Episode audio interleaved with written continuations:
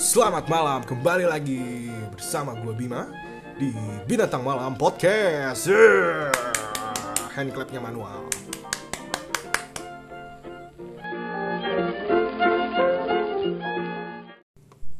Oke, kali ini gue mau ngebahas tentang masih ada hubungannya sama podcast terakhir yang kita rekam. Kita emang gue kan punya tim, tim gue sekitar 10 orang lah.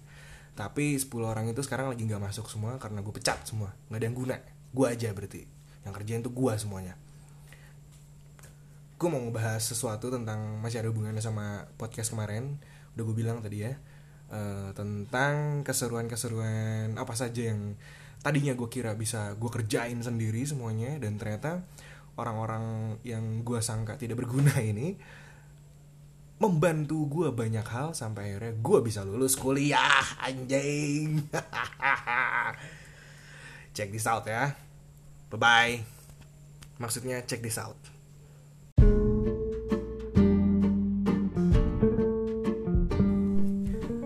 Gua tuh dulu zaman kuliah hmm, 2014 eh, gue per dulu pernah kuliah se- seusai SMA selepas SMA di salah satu perguruan tinggi perhotelan di Bogor. Dan akhirnya gue cabut setelah semester 1 dan gue PKL di Jogja waktu itu di sebuah hotel. Dan akhirnya gue cabut karena satu dan lain hal. Yang akhirnya menyebabkan gue bekerja dulu satu tahun. Setelah itu gue terpikir untuk kuliah lagi dan akhirnya gue kuliah lagi di 2014 dan gue lulus di tahun 2000 penghujung tahun 2017 dan resmi wisuda di 2018 nah di selama gue kuliah ini banyak banget tuh cerita yang menarik sih gue bahas tentang apa ya dulu kan sifat gue kayak gitu ya udah pernah gue bahas di podcast gue sebelumnya di episode 6 tentang bentar-bentar ini anjing gue mimpi nih. Shh, shh, kortis ya kortis ya oke lanjut. Tentang sifat-sifat eh, independen gue yang sebenarnya itu tidak baik ya. Maksudnya gue menganggap semua orang tuh kayaknya nggak nggak ini deh nggak nggak terlalu bermanfaat untuk tugas-tugas gue untuk kelangsungan hidup gue di sana. Dan gue mulai cerita pada saat dulu tuh gue pertama kali kuliah di Jogja gue gabung tinggal gue tinggal di eh, rumah kakak gue di sana di Jogja. Dan cuman bertahan sampai satu semester. Karena gue ribut sama dia. Maksudnya ya ribut tuh apa ya? Karena emang jiwa muda gue kan emang nggak pernah padam ya mungkin. Untuk 200 tahun dari sekarang pun kayaknya nggak pernah padam gitu ya jiwa muda gue tuh mungkin akhirnya keluarganya kakak gue kurang bisa menerima itu. Yang menyebabkan gue akhirnya memutuskan untuk keluar dari rumah kakak gue dan akhirnya memutuskan untuk ngekos. Ini adalah bantuan yang pertama dilakukan untuk gue dari teman-teman gue yang nggak pernah gue duga. Pertama kali gue eh, keluar dari rumah kakak gue tuh gue kebingungan banget karena prosesnya gue keluar dari kakak gue gak pernah terencana sama sekali. Yang akhirnya eh, gue nginep di kosan temen gue gue datangnya malam hujan-hujan gue bawa anjing kecil. Itu anjingnya temen gue yang waktu itu kalau nggak salah dia nitip ke gue karena teman gue ini yang punya anjing eh, mau pulang kampung ke Cilacap kalau nggak salah. Cilacap tuh deket Puerto Rico Purwokerto maksudnya situ. Terus akhirnya gue nginep di kosan teman gue yang namanya Habib. Emang terdengar islami sesungguhnya memang islami karena emang dia orang Islam tapi tidak terlalu islami juga sepertinya dan akhirnya gue di situ diterima dengan baik dengan dipersilahkannya gue menginap untuk tiga hari. Waktu yang tidak sebentar untuk waktu menginap di kosan seseorang. Alhamdulillahnya pada saat itu emang kebetulan si kosannya tuh bebas. Jadi kosan temen gue tuh sebelah sebelahan cewek cowok dan gak tahu ya gue eh, gue gue gue nginepnya jelas di kosan cowok. Tapi eh, hal menariknya adalah si temen gue yang cewek yang di sebelah kosan temen gue yang cowok akhirnya kita nginep di kosan temen gue yang cowok semua. Jadi kita tidur bertiga di kosan si Habib ini. Uh, selama tiga hari. Dia cewek sendiri dan gue sama teman gue of course cowok. Ya udah kita nginep gitu aja. Dan apa ya menariknya tuh gue baru kali itu tidur sama lawan jenis dan tidak sange gitu maksud gue ya. Ya dia teman gue gitu. Jadi gue dan teman gue ini punya punya apa ya punya rasa oke ini temen gue nih nggak bisa gue apa-apain gitu. Gitu. Dan selama itu lu bayangin aja gue ti wah, HP gue rusak gue tidak punya gue nggak gue nggak megang uang sama sekali waktu itu. Dan si Habib sama si Desi ada nah, ya itu teman gue yang cewek itu itu men menyediakan makanan untuk gue ya tidak menyediakan makanan juga sih maksudnya gue tuh dijajanin sama mereka selama tiga hari dan oh itu anjir terharu sih gue sebenarnya sama mereka mereka ini yang akhirnya mau menerima gue menginap di kosannya dengan barang-barang gue yang waktu itu gue bawa seadanya. Dan setelah tiga hari gue ke kampus karena waktu itu emang kebetulan uh, beres ujian ya kita ya. Terus akhirnya gue nggak pakai gue nggak megang hp sama sekali. Jadi posisinya orang tua gue nggak pernah tahu kalau akhirnya gue memutuskan untuk pindah dari rumah kakak gue ini. Dan akhirnya setelah kita bertiga ke kampus gue nggak pakai seragam waktu itu gue cuma pakai kaos. Untungnya juga nggak diusir sama pihak kampus karena emang gimana ya di kampus gue tuh emang nggak boleh lu ke kampus lu harus rapi even lu cuman di kantin gitu ya. Jadi emang ada peraturan yang kalau lu ke kampus tuh nggak boleh pakai kaos gitu. Alhamdulillahnya entah kenapa gue selalu lolos. Gue selalu diperbolehkan. Bukan karena gue spesial tapi emang karena gue pakai jaket. Jadi nggak ketahuan gue pakai pakai kaos atau pakai seragam jadi akhirnya uh, eh, gue ke kantin gue ngecek nilai gue ngecek IPK dan ada nih bapak parkir bapak parkir bapak penjaga parkir di sana yang gue lupa namanya siapa terus datang ke gue ujuk-ujuk. Oh kamu yang namanya Bima? Oh iya pak. Kenapa ya? Kemarin ibu kamu tuh ke sini nyariin kamu sambil nangis gitu. Katanya kamu kabur ya dari rumah jadi ternyata sehari setelah gue cabut dari rumah kakak gue nyokap gue dari Bogor langsung ke Jogja dan nyariin gue keberadaan gue di mana. Karena emang gue nggak bisa dihubungin gue nggak pakai HP kan waktu itu. HP gue rusak intinya. Dan akhirnya di situ uh, nyokap gue nginep di rumah kakak gue di hari itu di hari yang sama juga gue akhirnya uh, ngambil barang-barang gue dari ke rumah kakak gue dan di situ ada nyokap gue dan kebetulan ini ini uh, part yang oke okay nih menurut gue. Kebetulan waktu itu hari ibu. Hari ibu. Jadi teman-teman gue uh, Desi, Cindy, Habib gitu yang akhirnya uh, menyarankan gue untuk membelikan bunga kepada mem membelikan bunga untuk ibu gue karena ngepas banget nih hari ibu katanya.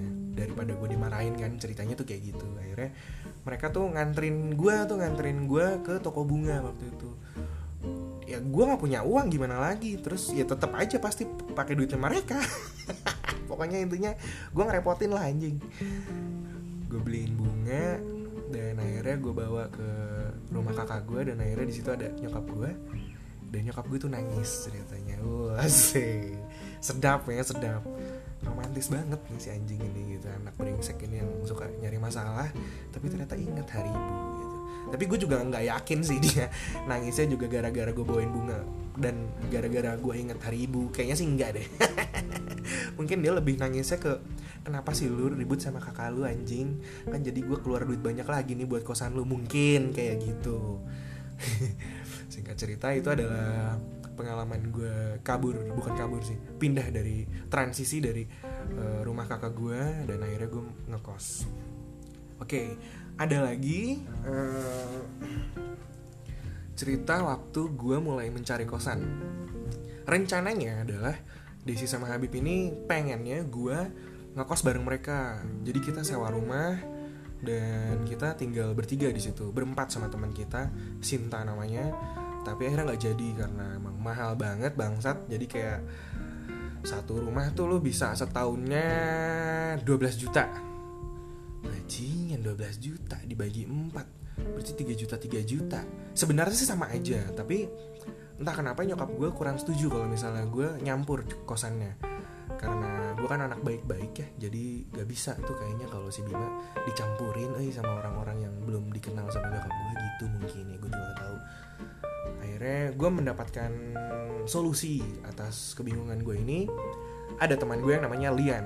Dia orang dia orang mana ya gue lupa. Pokoknya dari daerah yang berbahasa Sunda juga tapi bukan Bogor Kuningan apa mana gitu gue lupa. Pokoknya Lian namanya.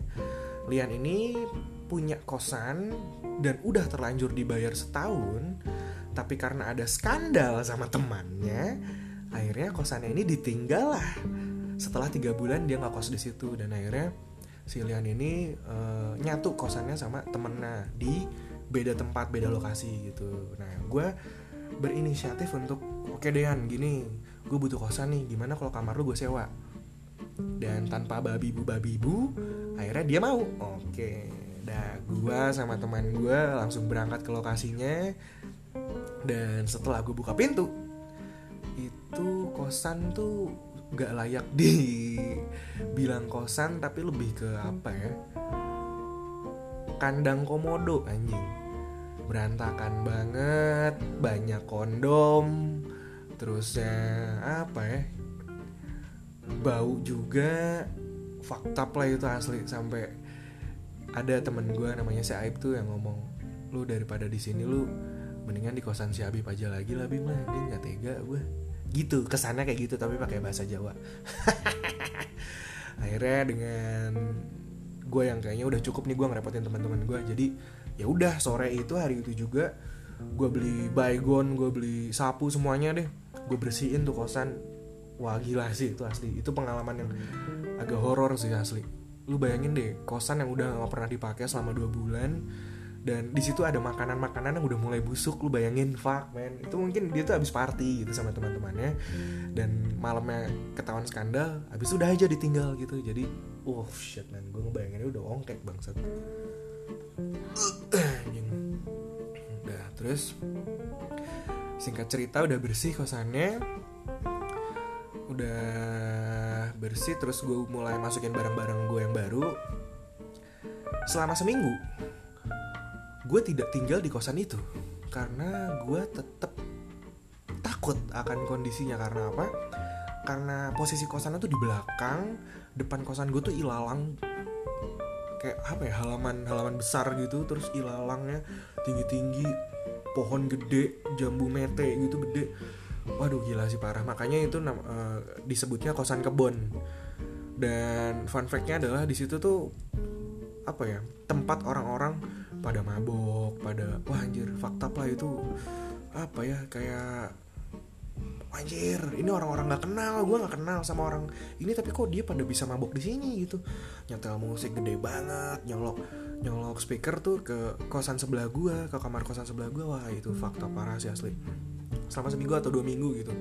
Sampai akhirnya transisinya tuh jadi kayak gue diantrin bokap kalau misalnya ngekos ke luar kota gimana sih? Jadi kayak gue sama si Habib waktu itu udah Bim lu gue temenin aja Bim di sini selama beberapa hari. Jadi si Habib uh, nginep di kosan gue sehari. Besoknya gue nginep di kosan dianya besoknya lagi dia nginep ke kosan gue sampai gue nggak takut.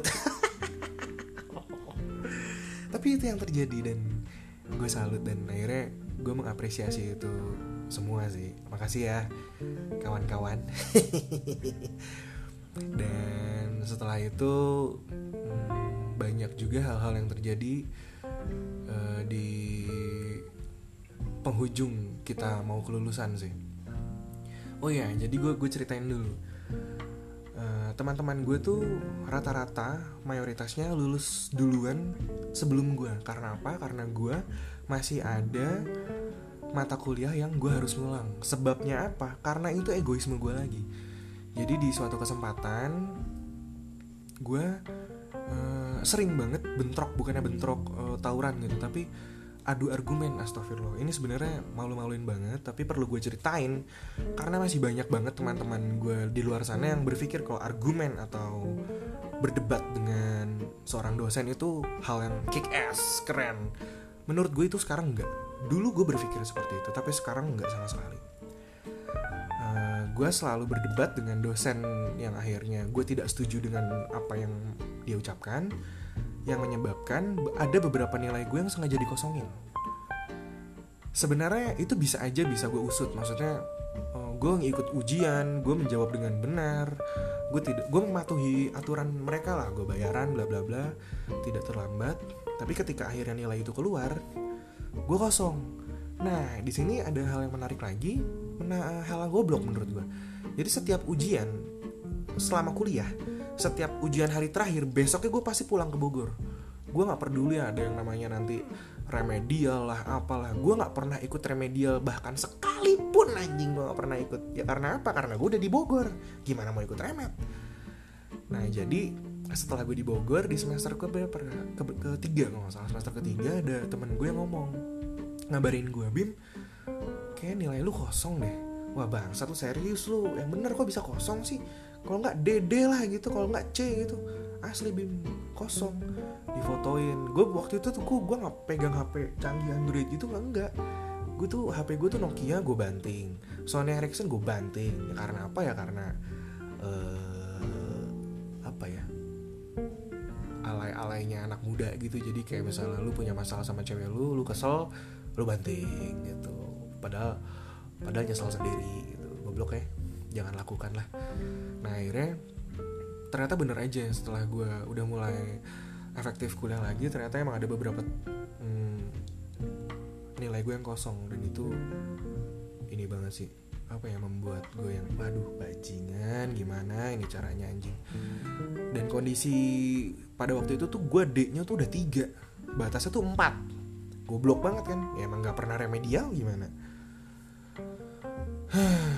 Akhirnya gue terlambat lulus sama beberapa orang. Beberapa orang yang setia menemani ketidaklulusan gue orang-orang teman-teman gue sekelas udah pada wisuda oke okay, hai.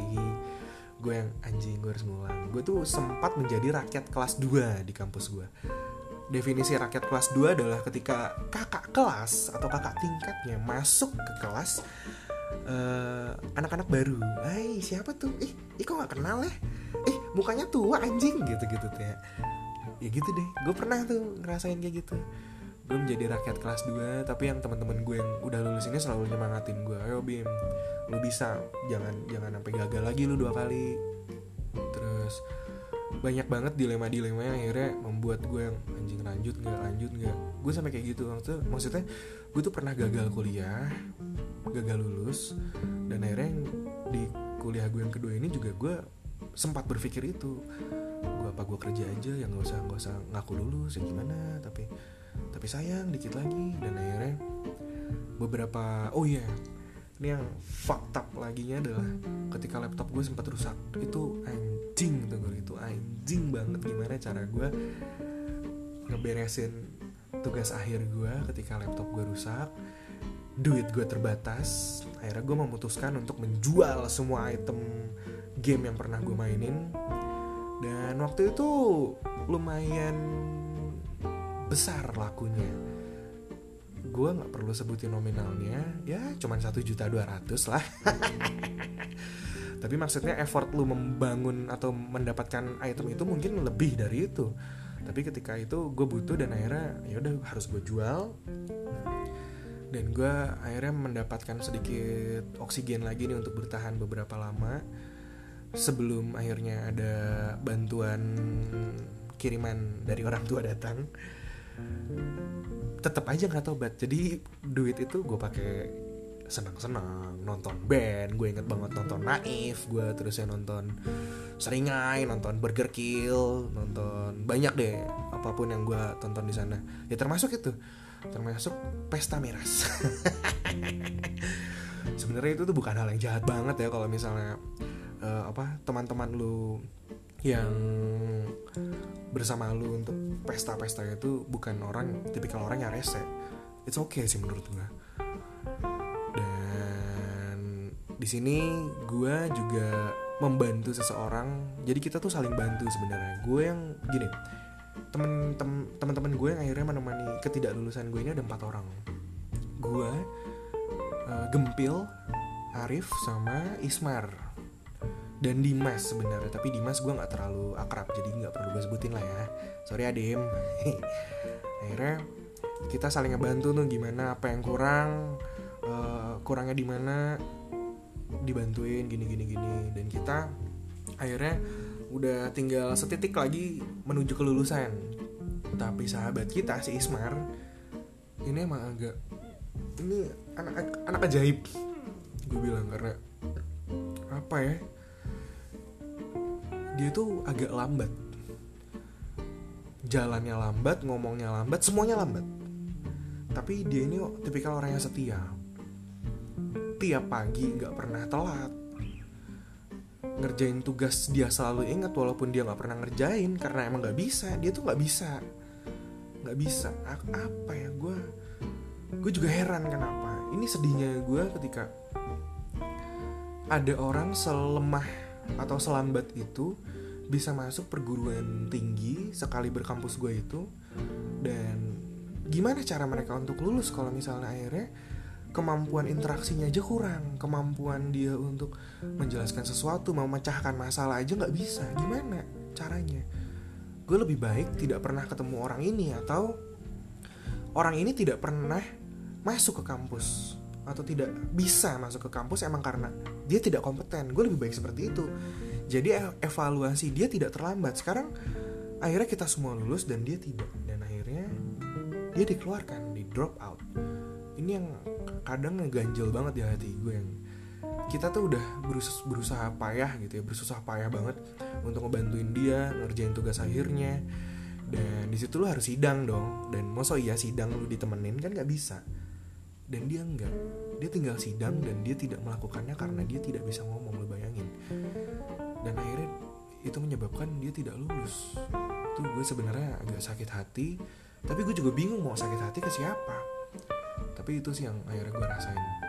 Padahal dia tuh setia banget sama gue dia selalu ngetok pintu kamar gue pagi-pagi ngebeliin gue nasi gulai uh, makanan khas sana ya kalau lo tahu nasi gulai tiap pagi dengan harapan gue membantu dia untuk ngerjain tugas akhirnya. Uh, pokoknya nunjukin abis ini ngapain lagi abis ini ngapain lagi. Waktu itu tuh seminggu tuh gue full sarapan nggak pernah bayar karena dibeliin sama dia. Gila gue terharu sih sebenarnya. Semoga lo sukses ya Mar walaupun lo nggak lulus sekolah. Jarang ada orang yang percaya sama lo tapi gue harap lo sukses sehat selalu bahagia selalu. Amin. Dan gue juga terima kasih untuk siapa ya? Untuk Arif mungkin ya. Arif yang selalu ini orang tuh mulutnya tuh bangsat sebenarnya. Toxic parah parat bajingan sebenarnya. Ini orang tuh apa ya lu kalau ketemu orang ini lagi down lu bisa-bisa bunuh diri mungkin anjing. Tapi alhamdulillahnya gue yang ketemu dia jadi gue jadi ke trigger nih anjing gimana caranya nih bisa membungkam mulut mulut si bangsat ini. Tapi dia juga setia sih sama gue gue inget banget tuh waktu kita ada tugas dan tugas uh, berkaitan dengan kelulusan. Dan itu uh, harus pagi kegiatannya. Gue baru bangun dia udah ngetok pintu kamar gue gue paling benci sebenarnya gue tidur terus diketok pintu kamar gue sampai mau dijebol bangsat banget kan emang anak-anak tuh anjing. Terus dia udah rapi gitu udah wangi. Motor gue nggak ada bensinnya. Ya udah ternyata dia pakai mobil. Kan gue udah pernah bilang kalau dia tuh orang kaya. Jadi gue nggak mandi lu bayangin gue nggak mandi. Gue cuma pakai kaos pakai celana pendek gak pakai sepatu gue malah. Gue ke kampus kayak gembel sumpah. Dengan si Aib yang ganteng parah mirip opa gitu ya ya. Udah kayak ini orang kayak ini ini orang si si si Aib uh, abis menyelamatkan pemulung dari mana nih? Tapi seru sih. Dan akhirnya gue juga minta uh, maaf kalau misalnya ada perbuatan-perbuatan gue yang tidak kalian berkenan di hati. Dan ada lagi orang-orang yang berjasa. Bu Saptin dosen pembimbing gue yang wangi yang jilbab yang ukti yang aduh hayo banget. Dan gue beruntung banget bisa mendapatkan lu. Walaupun itu sebagai dosen pembimbing hei makasih ya Bu Bu Saptin. Cantik itu orang. Uh, tapi kayak masih single deh. Ya semoga mendapatkan jodoh dan anak-anak baik ya bu terus nyapa Hamdan dosen Inggris gue yang selalu tertarik akan sudut pandang gue ketika gue ketelat Hei Mr. Bima dari mana? Habis baca buku di perpustakaannya gitu-gitu Padahal gue gak pernah ke perpustakaan Terus dosen-dosen yang sudah almarhum dan selalu uh, gak pernah Apa ya gak pernah mengunderestimate gue kalau bahwasannya gue adalah orang yang akhirnya pantas untuk di underestimate tapi ada beberapa segelintir orang di sana yang mungkin mengetahui uh, apa ya spirit gue untuk tidak tunduk atau tidak bisa itu besar sekali untuk berusaha gitu. Terus untuk adiknya Koni beserta Koni Koni itu temen gue yang berasal dari Berbes kan kemarin udah gue sebutin juga ya. Berbes si Koni itu uh, membantu gue untuk selalu minjemin duit gue di saat duit gue habis belum pada waktunya. Dan ajaibnya manusia ini tuh kan lo ada gocap gak dia nggak jawab dia gak pernah jawab. Tapi sore sore atau pagi sebelum dia kerja pasti ke kosan gue entah kayak sekedar nonton bola atau ngopi gitu walaupun bangsatnya orang nyebelin banget sih pagi-pagi ke sini tapi emang kan gue butuh gitu. Jadi dia tuh ketika gue minjem duit dia yang datang ke gue. Gue gak pernah datang ke dia. Makasih ya kawan sama adiknya juga. Gue lupa namanya siapa. Yang jelas lebih ganteng dari lu kan uh, dia minjemin laptopnya ketika gue laptop gue rusak untuk nyusun TA makasih banget untuk kalian semua dan untuk gempil. Ini si gempil tuh manusia pasif brengsek chicken tapi berjasa. Gue inget banget kalau si gempil ini dulu kita pernah punya skandal. Skandal kita adalah gue si gempil sama si Arif itu ceritanya berencana minum-minum di sebuah warung. Dan itu terjadi siang pas jam istirahat. Jam istirahat kita ke warung namanya Burjo gitu kan. Banyak burjo-burjo gitu di Jogja kita minum di sana hai botol minumannya.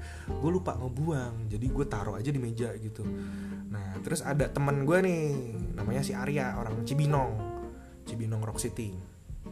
Ngomong ke gue Bim lu kemarin habis minum-minum lo ya di burjo ini? Emang kenapa? Lu dicariin orang lu si Martin. Uh, Martin itu adalah kakak tingkat yang preman banget yang anjing gue ternyata pernah ketemu dia sebelum uh, skandal itu terjadi dan dia tuh matanya merah banget.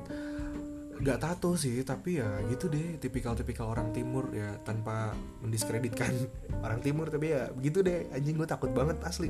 Sampai kan gue kalau ke kampus tuh pakai rantai.